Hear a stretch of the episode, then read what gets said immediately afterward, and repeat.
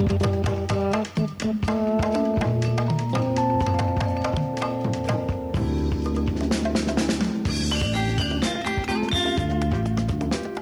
Enjang, sesaat lagi kita ikuti Pendopo Bantul, program spesial persembahan pemerintah Kabupaten Bantul bersama Radio Sonora FM Yogyakarta.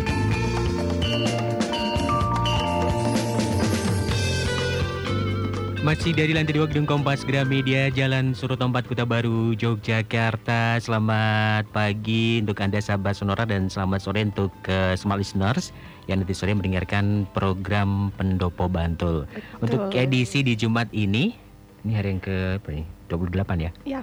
28 Agustus 2020 dan kali ini ada saya Hasta dan juga ada Dan saya Ica yang menemani. Iya semangat pagi ya Ica. Semangat pagi harus. Ah, Oke, ini kita memang tetap harus menjaga kesehatan ya Ica ya. Dan tapi juga ini loh, eh, kalau misalnya di ini kan sudah lama banget pandemi ya. Iya, Pengennya kan jalan-jalan. pengen jalan-jalan. Walaupun jalan-jalan tetap ini ya protokol kesehatan di- Betul, di, tetap harus dijaga. Dan kalau jalan-jalan itu kan eh, Nggak lepas nggak dari lepas dari kuliner. namanya kuliner ya. Nggak lengkap deh kayaknya nggak gitu. Iya, itu pokoknya itu paket eh, satu komplit dah Mas. Kulin eh, traveling terus kuliner. Tapi gitu. tetap ini jaga kesehatan, Mm-mm, protokol mm-mm. kesehatan juga harus tetap ada ya. Iya, Nah kalau ngomong soal kuliner, yang ini nih menarik nih kayaknya nih ya. ada, apa nih Ada, Mas? eh, pusat kuliner baru di Kota Bantul. Oh, Bantul itu kan pariwisatanya banyak, Banyak banget. Nah, nggak selesai sehari itu atau selesai seminggu nggak selesai itu. sebulan pun nggak selesai karena semua titik itu bisa dijadikan spot wisata kayaknya di sana Iya, ya. mhm. Nah ini spot kuliner pun juga kayaknya nanti eh, bisa dijadikan tempat wisata enggak ya nih ya nanti? Wisata keluarga. Pusat keluarga. Tapi untuk lebih tahunya seperti apa nih pusat kuliner baru ini di pusat kota Bantul kita akan berbincang dengan eh, Kabit Pengembangan Pasar Dinas Perdagangan Kabupaten Bantul ya. Mhm. Ada Ibu Arum Bidayati SIP MPA. Kita sapa dulu. Oke. Halo, selamat pagi. Selamat pagi. Apa kabar Ibu? Baik, alhamdulillah. Alhamdulillah. Oke. Mbak Ica sama Mas Sasta apa kabar? Sehat selalu Ibu. Sehat. Oke. Alhamdulillah. Kelihatannya semangat banget ini Bu Arum. Wah, semangat banget. Harus ya. Apalagi di Bantul nih tambah lagi ada kuliner baru yang ini semoga menjadi eh, satu destinasi eh, di Kabupaten Bantul itu ya Bu ya. Amin, amin. Oke. Ya, dan untuk Anda, ini sahabat sonora yang mau bergabung, kita undang dulu ya Ica ya. Yang mau gabung itu eh, bisa ke 0817548320 untuk SMS dan juga WhatsApp ini ya. Oke. Eh, gitu langsung aja Bu Arum, ini berkaitan dengan oh, ada informasi Kemangi Food Corner. Ini menarik Ya. kelihatannya nih. Seperti apa Bu? Ini mungkin cerita-cerita dulu monggo. Oh, baik. Cerita awalnya ya, Mas ya. Ya. mhm. Eh, kondisi sebelumnya bagaimana? eh, kemudian sekarang bagaimana? Iya. Eh, jadi begini Mbak Ica dan Mas Mhm. Sasta. Eh, kami ini di Kabupaten Bantul kan ada 32 pasar. Mhm. Nah, salah satunya yang eh, masuk kriteria tipe A Mhm. Tipe A itu adalah tipe pasar yang besar ya dengan sekian apa jumlah pedagang dan keluasan minimal seribu. Nah itu di pusat kota Bantul itu ada pasar Bantul. Pasar Bantul itu ada tiga segmen mbak Mas Hasta. Mhm. Eh, di paling depan yang apa berhadapan langsung dengan Jalan Jenderal Sudirman itu adalah segmen satu. Nah di situ eh, juga sudah disediakan oleh pemerintah Kabupaten Bantul eh, selain los itu juga ada kios-kios ya yang eh, istilahnya mengelilingi mengelilingi segmen satu. Nah seperti di banyak pasar-pasar lainnya, di, mungkin bahkan di seluruh Indonesia nya, eh, biasanya kita kesulitan untuk mengelola eh, kios lantai atas. Di Bantul pun juga seperti itu. Nah, eh, Hmm. kita mendapat kenyataan bahwa eh, bertahun-tahun ya, mungkin ada sekitar lima atau enam tahun, eh, kios yang di lantai atas itu ada sejumlah 104 kios itu eh, tidak dimanfaatkan oleh eh, isti- istilahnya pemegang hak pakainya gitu. Mhm. Sudah lama sekali. Nah, ini kita prihatin ya, kenapa sih ini padahal ini di pusat kota Bantul dan eh, masyarakat itu pasti tahu kalau di situ ada pasar karena memang eh, nggak ada yang apa ya yang menutupi gitu, gede banget pasarnya. Mhm. Eh, kemudian kita eh, berdiskusi dengan saya dan teman-teman eh, bidang pengembangan pasar. Kita juga eh, matur kepada Bapak Kepala Dinas konsep pengembangan kita bagaimana gitu. Nah kami menangkap eh, di Bantul ini belum ada semacam food corner ya. Kalau di Solo itu kan Mhm. sudah ada ya geladak tuh. Oh Eh, iya iya iya. Mhm. Ya, Mhm. kita itu ingin ada satu alternatif baru di Mhm. pusat kota Bantul itu untuk eh, masyarakat eh, bisa dahar, bisa santai di atas gitu. Karena memang secara apa ya tempat dan fasilitasnya bagus gitu kan. Nah, alhamdulillah Bapak Kepala menangkap apa istilahnya eh, inovasi kami begitu. Terus mbak garapan gitu karo konco-konco gitu. Nah, Mhm. mulailah kita eh, kemudian mendata kios itu atas nama siapa, berkenan tidak kalau kita alihkan menjadi eh, apa istilahnya food court gitu. Karena kan tidak semua orang punya kemampuan jualan kuliner ya mbak ya Mhm. gitu. Nah, eh, ternyata oh dulu waktu itu dinamikanya luar biasa. Eh, kita menghadapi kita kita sudah memprediksi akan akan ada penolakan keras, akan ada ini. Tapi alhamdulillah bisa kita lewati semuanya. Dan sekarang saya cerita enaknya aja ya. Nah, karena dulu dulu sempat emosional banget mbak Oh, kita iya, iya. dibilangin iya sampai kita dibilangin tidak punya hati nurani dan sebagainya. Waduh, Putejo dong. Putejo nih. ya karena saya paham eh, apa istilahnya eh, yang kagungan kios ya pemilik hak pakai itu tidak mau kalau kiosnya diambil alih Mhm. tidak mau kalau dipindah seperti itu kan itu di depan pasar Bantul apa di depan sendiri ya letaknya Iya. Nah kemudian kita eh, apa istilahnya wes kita dadaki gitu. Kita sudah punya pilihan seperti ini dan insya Allah bagus gitu kan. Nah konsep awal kami itu ya Mbak Mas eh, kami itu ingin mengundang dua atau tiga tenan besar gitu yang yang sudah punya nama di Jogja gitu. Mhm. It- itu sebagai magnet gitu kan. Eh, Mbak Ica sama Mas Hasta Hmm. kalau di mana pun kalau Mireng misalnya ada kuliner yang sudah nggak diragukan lagi pasti pasti menjadi tujuan kan. Maksud Hmm. saya juga seperti itu menarik masyarakat untuk naik. Nah ternyata sudah ada mas. Eh, waktu itu tenan besar di Jogja sudah sempat naik ke area pasar Bantul itu. Eh, setelah melihat-lihat itu berkeliling mereka langsung mau minta ambil eh, minimal 8 kios gitu. Oke. saya waduh 8 kios gitu kan. Mhm. ini berarti dari apa dari pengusaha yang udah punya nama pun eh, pasti mereka punya ini kan punya intuisi, intuisi ya Mhm. Mhm. intuisi bahwa ini akan bagus gitu mereka langsung ngambil minimal 5 gitu Mhm. nah saya matur kepada bapak kepala dinas eh, bapak-bapak gitu ada apa mbak gitu nah tapi kemudian eh, pedagang yang lama mireng ya mendengar konsep kami itu mereka nggak mau Mhm. pokoknya jangan jangan ada istilahnya eh, kuliner yang seperti itu bu. Nanti kami kalah dan sebagainya. Mhm. aduh saya sampai saya kemudian maaf maaf itu kepada apa kepada tamu kami itu. Eh, konsepnya dirubah ini pak. Karena kami akan apa istilahnya eh eh, misalnya jatuh bangun nanti bersama pedagang. Saya sudah memprediksi ma, nanti pasti ada beberapa yang apa istilahnya sulit gitu untuk untuk diajak berlari gitu. Mhm. Nah, itu akhirnya dari eh, yang kios kuliner itu kan ada 32 ya yang kita garap dari 104. Saya nggak berani Mas Hasan dan Mbak Ica untuk Mhm. langsung mengalihkan dari non kuliner menjadi kuliner. Karena apa? Ini kita masih sebagai pilot project ya. Oke. Kalau nanti ini sukses, insya Allah akan kita terapkan di semua pasar yang ada kios mangkraknya, istilah seperti itu. Mhm. Nah, eh, kemudian alhamdulillah eh, dengan kita sering berdiskusi, membentuk grup WA dan sebagainya dan sebagainya, ini kemarin sudah di launching oleh Bapak Bupati dan eh, animonya luar biasa. Jadi bahkan eh, kita disupport penuh ya oleh Bank BPD sebagai bank mitra kerja kami untuk eh, menggarap bersama-sama eh, mereka memblow up untuk promosi dan sebagainya. Nah ini dari apa 32 kios eh, kuliner ini sudah kita sediakan eh, fasilitas-fasilitas yang mendukung eh, kebersihan begitu ya. Hmm. Ini kita membangun itu sebelum ada COVID loh, Mas, Oh, iya, Mas iya. Hasa dan Mbak Ica. Tapi Mhm. kita eh, saya saya punya punya istilahnya apa ya? Mungkin standar ya. Hmm. Saya nggak mau kalau eh, apa istilahnya food court di pasar itu men, eh, image-nya kotor dan sebagainya dan sebagainya. Bahkan saya tuh sampai dinilai apa ya istilahnya kalau orang Jawa kikrik gitu ya. Iya, saya bilang gini sama pedagangnya, saya tidak mau ada meja dan kursi apa kursi plastik. Mhm. Oh iya iya iya. Iya gitu.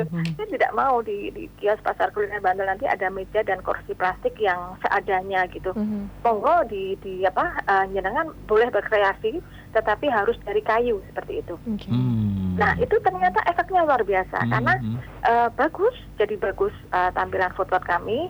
Nanti Mbak Ica sama Mas Dasta kapan-kapan ke Bantul ngabari saya. Boleh, boleh, boleh. Oke.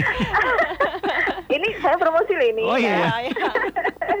Biar pada ramah ke sana karena apa ternyata Mhm. kemarin setelah kita launching begitu Mhm. banyak sekali yang menanyakan iku resik orang mbak gitu ono apa wae ning kono gitu saya sebutkan ada di tangga mau naik itu sudah ada wastafel besar Mhm. sumbangan dari ACT waktu itu kita taruh di sana kemudian di seluruh area food court itu juga udah kita sediakan wastafel ada sabun cucinya Hmm. Cuci tangannya seperti itu. Dan jangan khawatir ya kalau kalau apa istilahnya eh, COVID-19 ini eh, konon itu kan eh, lebih lebih banyak apa berada di ruangan yang tertutup ya itu eh, ruangan food court kami itu benar-benar food court yang apa ya istilahnya nggak tanpa sekat gitu. Jadi Hmm. eh, kalau kemarin kan teman-teman kami masih membayangkan di situ tuh kios tertutup ada satu menu, kios tertutup ada satu menu, nggak Hmm. seperti itu. Jadi Hmm. benar-benar yang luas seperti itu. Cuman ah, memang ada dua blok ya, blok selatan sama eh, utara seperti itu. Dan apa apalagi kalau nanti mau lenggah dahar di area teras gitu, asik banget karena eh, bisa me- apa memandang eh, lalu lintas di depan pasar Bantul Mhm. dan sudah kita kita apa kita benahi banyak sekali mbak. Kita eh, istilahnya sudah mengelontorkan banyak banyak anggaran untuk menggarap ke sana. Dan alhamdulillah ini sudah ada eh, 17 tenan eh, menu yang sudah ready di sana. Eh, cuman memang masih ada beberapa pemilik kios yang belum bisa karena memang kondisinya berat ya sekarang ini. Ada Hmm. yang apa istrinya sakit dan sebagainya itu kita maklumi nggak apa-apa Hmm. tapi yang sudah sudah kita istilahnya kita tanting mau jualan ya harus buka gitu jadi Hmm. bukanya biar masyarakat perso itu nanti jam 10 pagi kita sudah ready semua Hmm. dan eh, tutupnya sekitar jam 8 sampai jam 9 gitu. Hmm. nah eh, saya matur sekalian ya menunya ya. Mhm. Eh, di blok selatan ini ada kopi jadi kopi Sari Wijoyo ini adalah cikal bakalnya eh, kuliner di Bantul saya harus berterima kasih banyak Mhm. dengan ini karena eh, dari sanalah saya punya pemikiran atau inovasi untuk sekalian menyulap dari non kuliner menjadi kuliner. Jadi Hmm. eh, dia itu sudah ada jauh sebelum eh, kita menggarap eh, menjadi pusat kuliner gitu. Itu kopinya itu kopi yang bukan kopi yang apa ibaratnya kopi yang biasa-biasa aja. Mhm. Jadi mereka punya bartender sendiri, eh, punya peracik kopi ya. Iya. Dan ini bagus Mbak, nanti mampir ke sana. Mhm. Kemudian di sebelahnya ada sambal belut iwak kali. Wah. Nah ini ah, ini enak banget, enak banget nggak kalah sama yang sudah punya nama itu. Mhm. Kemudian eh, di sebelahnya lagi ada empek-empek. Eh, kemudian ada apa namanya Milan, Milan roti. Eh, kemudian lontong tuyuhan, geprek dan seblak, eh, sate dan eh, di satu lagi ada Mr. Burger di sana. Karena Hmm. memang ternyata pedagang pasar itu ada yang punya usaha Mr. Burger di beberapa titik di Hmm. Kota Bantul. Jadi diangkat ke sana. Nggak apa-apa sih bagus karena eh, memang ini konsepnya kan apa menjadi area kuliner untuk keluarga ya. Jadi Mhm. mungkin anak-anak kan lebih suka yang kayak kayak gitu ya Iya. menunya. Nah, kemudian di deretan selatan ini alhamdulillah kami berhasil mengajak bakmi ya, mie kuliner bakmi di Bantul yang sudah sudah terkenal sekali. Mhm. Ini bakmi Pak Jo. Jadi eh, kita ajak ke sana. Alhamdulillah kerso ini yang menguati di deretan utara. Bakmi Pak Jo, kemudian ada eh, sat, apa? Bakso, Mhm. kemudian es oyen, aneka es, boba, boba Mhm. sugar boba, eh, eh, apa namanya sop empal, dan aneka olahan ayam kampung seperti ingkung dan apa tongseng ayam seperti Mhm. itu. Nah itu gitu mbak ceritanya. Jadi eh, kami berharap dengan adanya Kemangi ya, Kemangi Food Corner ini menjadi magnet bagi masyarakat di Bantul terutama eh, untuk berkunjung ke pasar lagi gitu. Mhm. Eh, dan mereka memang kita apa kita siapkan menu-menu yang eh, enak lah seperti itu dan tempatnya sangat nyaman Hmm.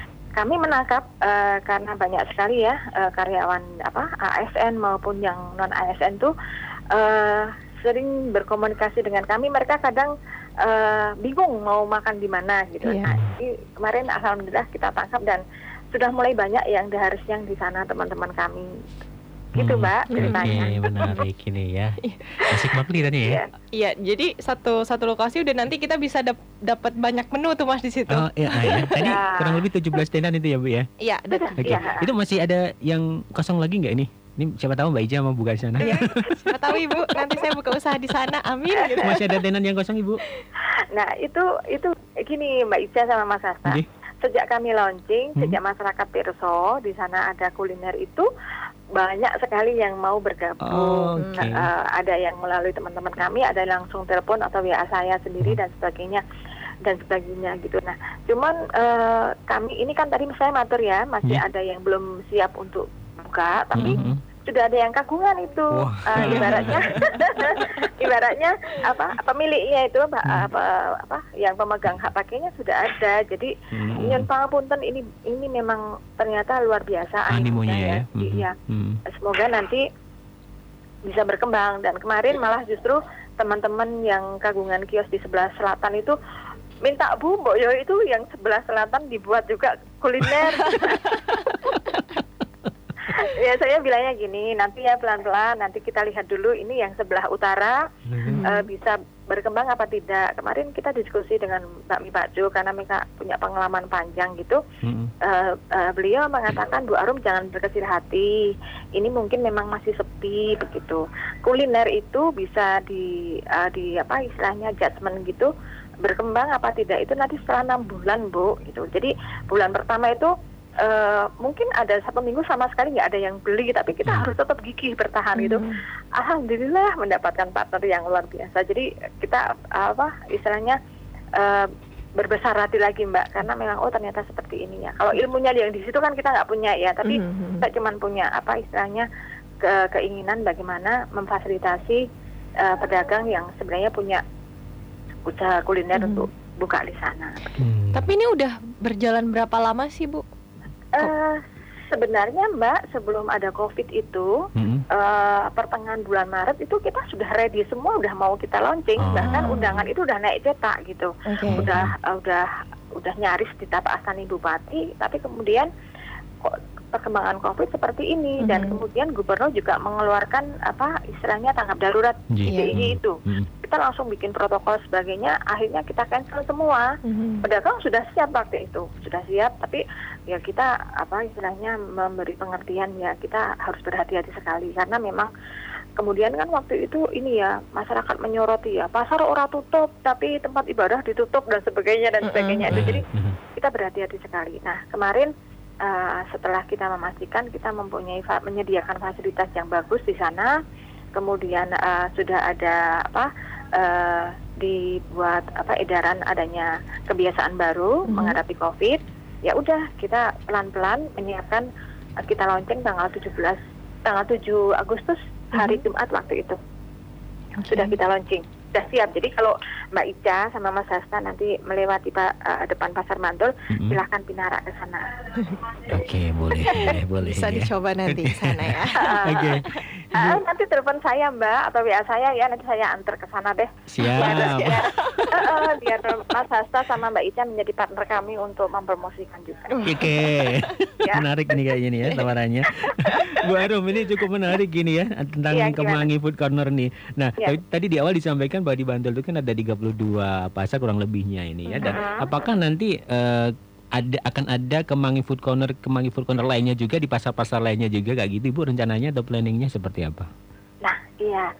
Jadi eh, kami sudah punya data Mas Hasta Iya. dan Mbak Ica Mhm. eh, karena kami punya 32 pasar. Itu kan tidak semua ada kiosnya ya. Oh, yang oke. eh, Mhm. yang pasar-pasar di desa seperti itu eh, itu memang tidak ada kiosnya dan eh, kita berhati-hati untuk eh, untuk bangun kios. Jadi Mhm. jangan sampai kios itu justru menjadi penghalang eh, bakul kami yang memang secara tradisional mendisplay dagangannya seperti itu itu nggak akan kita rubah jadi memang eh, pasar rakyat itu memang potretnya seperti itu. Nggak akan kita bentuk yang modern atau apa nggak kita pertahankan nah eh, data-data eh, kios yang tidak aktif itu kan sudah kita pegang.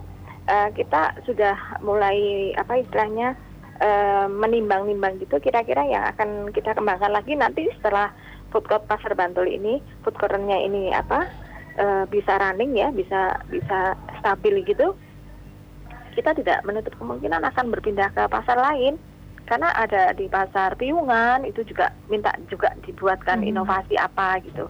Nah kemarin sudah pada diskusi dengan kami ada yang usul untuk pusat elektronik dan sebagainya. Hmm. Nah saya matur kalau pusat elektronik itu bukan kebutuhan sehari-hari kan, nah yang Mhm. kebutuhan sehari-hari itu ya makan gitu. Mhm. Nah eh, teman-teman sudah menangkap itu nanti eh, tinggal kita apa istilahnya kita diskusikan bersama. Kemudian eh, di pasar Bantul, kalau pasar Imogiri udah penuh semua, biasanya nggak ada yang mangkrak. Eh, di Angkruk Sari itu yang dekat Pantai Parangtritis itu masih Mhm. banyak juga. Nah eh, itu nanti akan kita apa kita kita tawarkan kepada pemilik kiosnya bagaimana akan kita akan beralih nggak menjadi pusat kuliner apa tidak gitu karena kita juga tidak berani memaksa toh mbak nanti takutnya eh, mereka tidak punya keahlian dan justru malah sudah keluar modal dan sebagainya ternyata tidak bisa berkembang gitu. Oh gitu ya. Eh. Oke, jadi tunggu aja nanti seperti apa itu ya kejutan-kejutan dari dinas ya. Ya. Yang di Pandegani Bu Arum ini. Oke, Bu Arum ini ada yang gabung di WhatsAppnya Oke. Sonora Jogja dari Om Kukuh Ibu. Eh, guys, assalamualaikum Ibu, selamat pagi. Ini eh, kalau di food court itu bayarnya boleh cash atau pakai non tunai ya di sana. Dan ini beliau usul juga diadakan live music Ibu di atas ataupun juga di bawah. Pokoknya mantap deh Pasar Bantul maju terus dari Om Kukuh. Terima kasih. Eh ya, ye. selamat pagi Bapak Kuku. Jadi eh, jangan khawatir Bapak, kalau Bapak tidak apa istilahnya membawa cash, Bapak bisa melakukan pembayaran dengan QRIS. Ya, sudah Hmm. sudah ada di sana Mhm. dan eh, ternyata sudah beberapa ada tenan kami yang sudah apa berpartner itu dengan eh, Gojek. Ya, jadi eh, nanti misalnya Mas Sasta dan Mbak Ica mau pesen sambal welot atau apa bisa di sana. Tetapi itu tadi kami disupport penuh oleh Bank BPD dan eh, sudah sudah tersedia itu barcode di sana. Jadi Mas Sasta nanti bisa kalau jajan di Mhm. sana scan barcode-nya, scan barcode nanti kemudian misalnya eh, belanja bakmi bakjo atau ingkung gitu ya Mhm. nanti udah Mas Sasa habis berapa misalnya tujuh puluh ribu dari apa dompet digital Mas Sasa bisa dari Hmm. eh, dompet digitalnya dari Bank BPD Hmm. bisa OVO bisa yang lainnya bisa transaksi non tunai di situ Hmm. Oke. Oke. Ya. Untuk live music gimana Bu? Kemungkinan live live music? musik sudah ada Oh, tapi sudah ada. Iya sudah ada, tapi eh, untuk saat ini masih terbatas dengan apa istilahnya elektron ya, elektron Hmm. seperti itu. Eh, kemarin sudah ada yang menawarkan anak-anak yang bisa gitaran gitu dan Hmm. apa alat seadanya itu akan akan di sana juga dan nanti kita support lah kalau untuk listriknya ketika mereka membutuhkan akan kita support penuh. Pokoknya bagaimana caranya eh, di sana menarik dulu gitu. Hmm. Hmm. Hmm. Kalau musik pedagang sudah menyediakan, mereka bergantian uh, elektron itu. Jadi pembeli yang suka misalnya sudah antri nih uh, yang kadang kredit itu kan Mbak Mi Pakjo ya, Hmm. bisa antri ternyata masih menunggu tujuh atau enam porsi, ya bisa lah nyanyi-nyanyi dulu gitu. Oh, gitu. iya, Oke oke oke gitu ya. Oke. iya. uh, jadi jangan khawatir yang tidak tidak suka membawa uang kas Mm-mm. itu bisa bisa bisa melakukan transaksi yang cashless ya Mhm. seperti itu. Hmm. Oke. Iya. Eh, Ibu, ini berkaitan dengan protokol kesehatan gitu ya. Karena kan Ya. di beberapa tempat di res di eh, restoran Hmm. atau rumah makan gitu kan memang ada pembatasan eh, jarak gitu ya, Bu ya. Tapi kalau untuk di sana gimana, Bu, di food courtnya? Uh, nah itu Mbak uh, kema- kami uh, kemarin juga ternyata animo pedagang yang terutama yang di deretan selatan itu kan luar biasa ya. Jadi mereka menyediakan kursi terlalu banyak. Nah ini udah kita evaluasi. Hmm, hmm, hmm. Kursinya jangan berdempetan seperti ini. Jadi ditaruh di teras aja gitu. Nah itu sudah sudah kita lakukan Mbak berjarak seperti itu dan eh, kita memastikan eh, saya sudah kasih tahu ke pedagang kalau ada tamu yang belum cuci tangan diingatkan dulu ya cuci tangan karena Mhm. sudah kita sediakan seperti itu. Eh, kalau kalau kalau secara apa pengaturan kita sudah mengatur berjarak ya Mbak ya. Tapi Mhm. kan kita kadang begini, misalnya saya datang dengan keluarga saya ya Mhm. dengan anak-anak dan suami saya gitu berjaraknya itu jadi hilang gitu kan Oh iya, iya mau kan ya nggak gitu. mau kan- terpisahkan bu.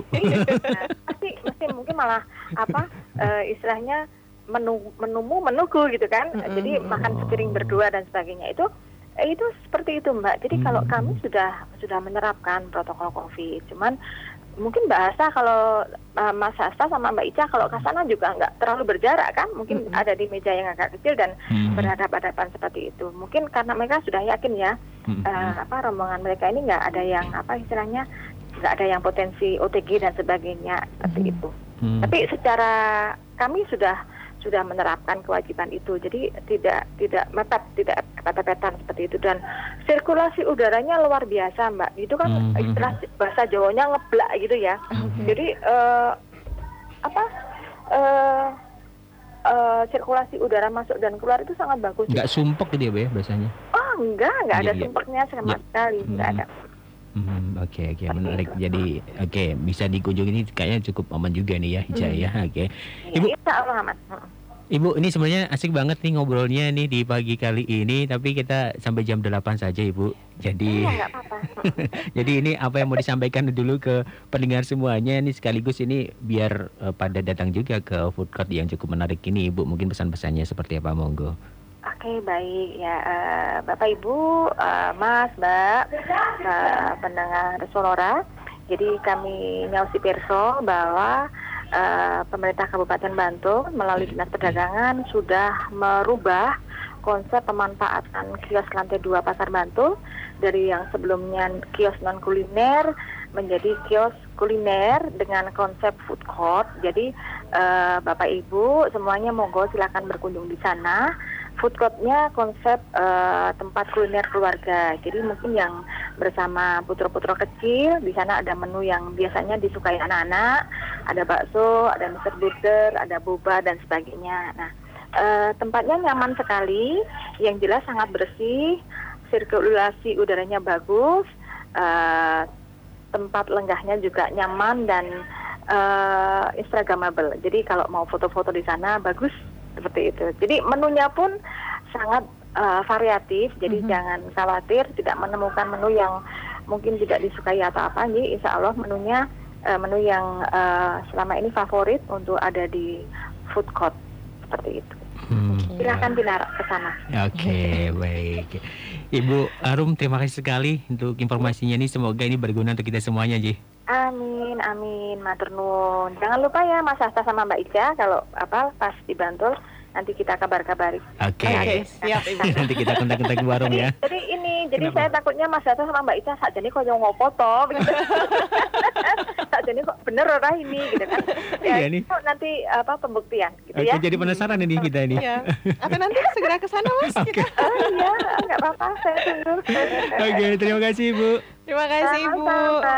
Sukses ya Mbak Asta, Mbak Ica sama Mas Hasta. Oke, terima iya. kasih. Ya, selamat pagi. Assalamualaikum. Waalaikumsalam warahmatullahi wabarakatuh. Ya, eh, Bu Arum Dalu, eh Bu Arum Dalu, Ibu Arum.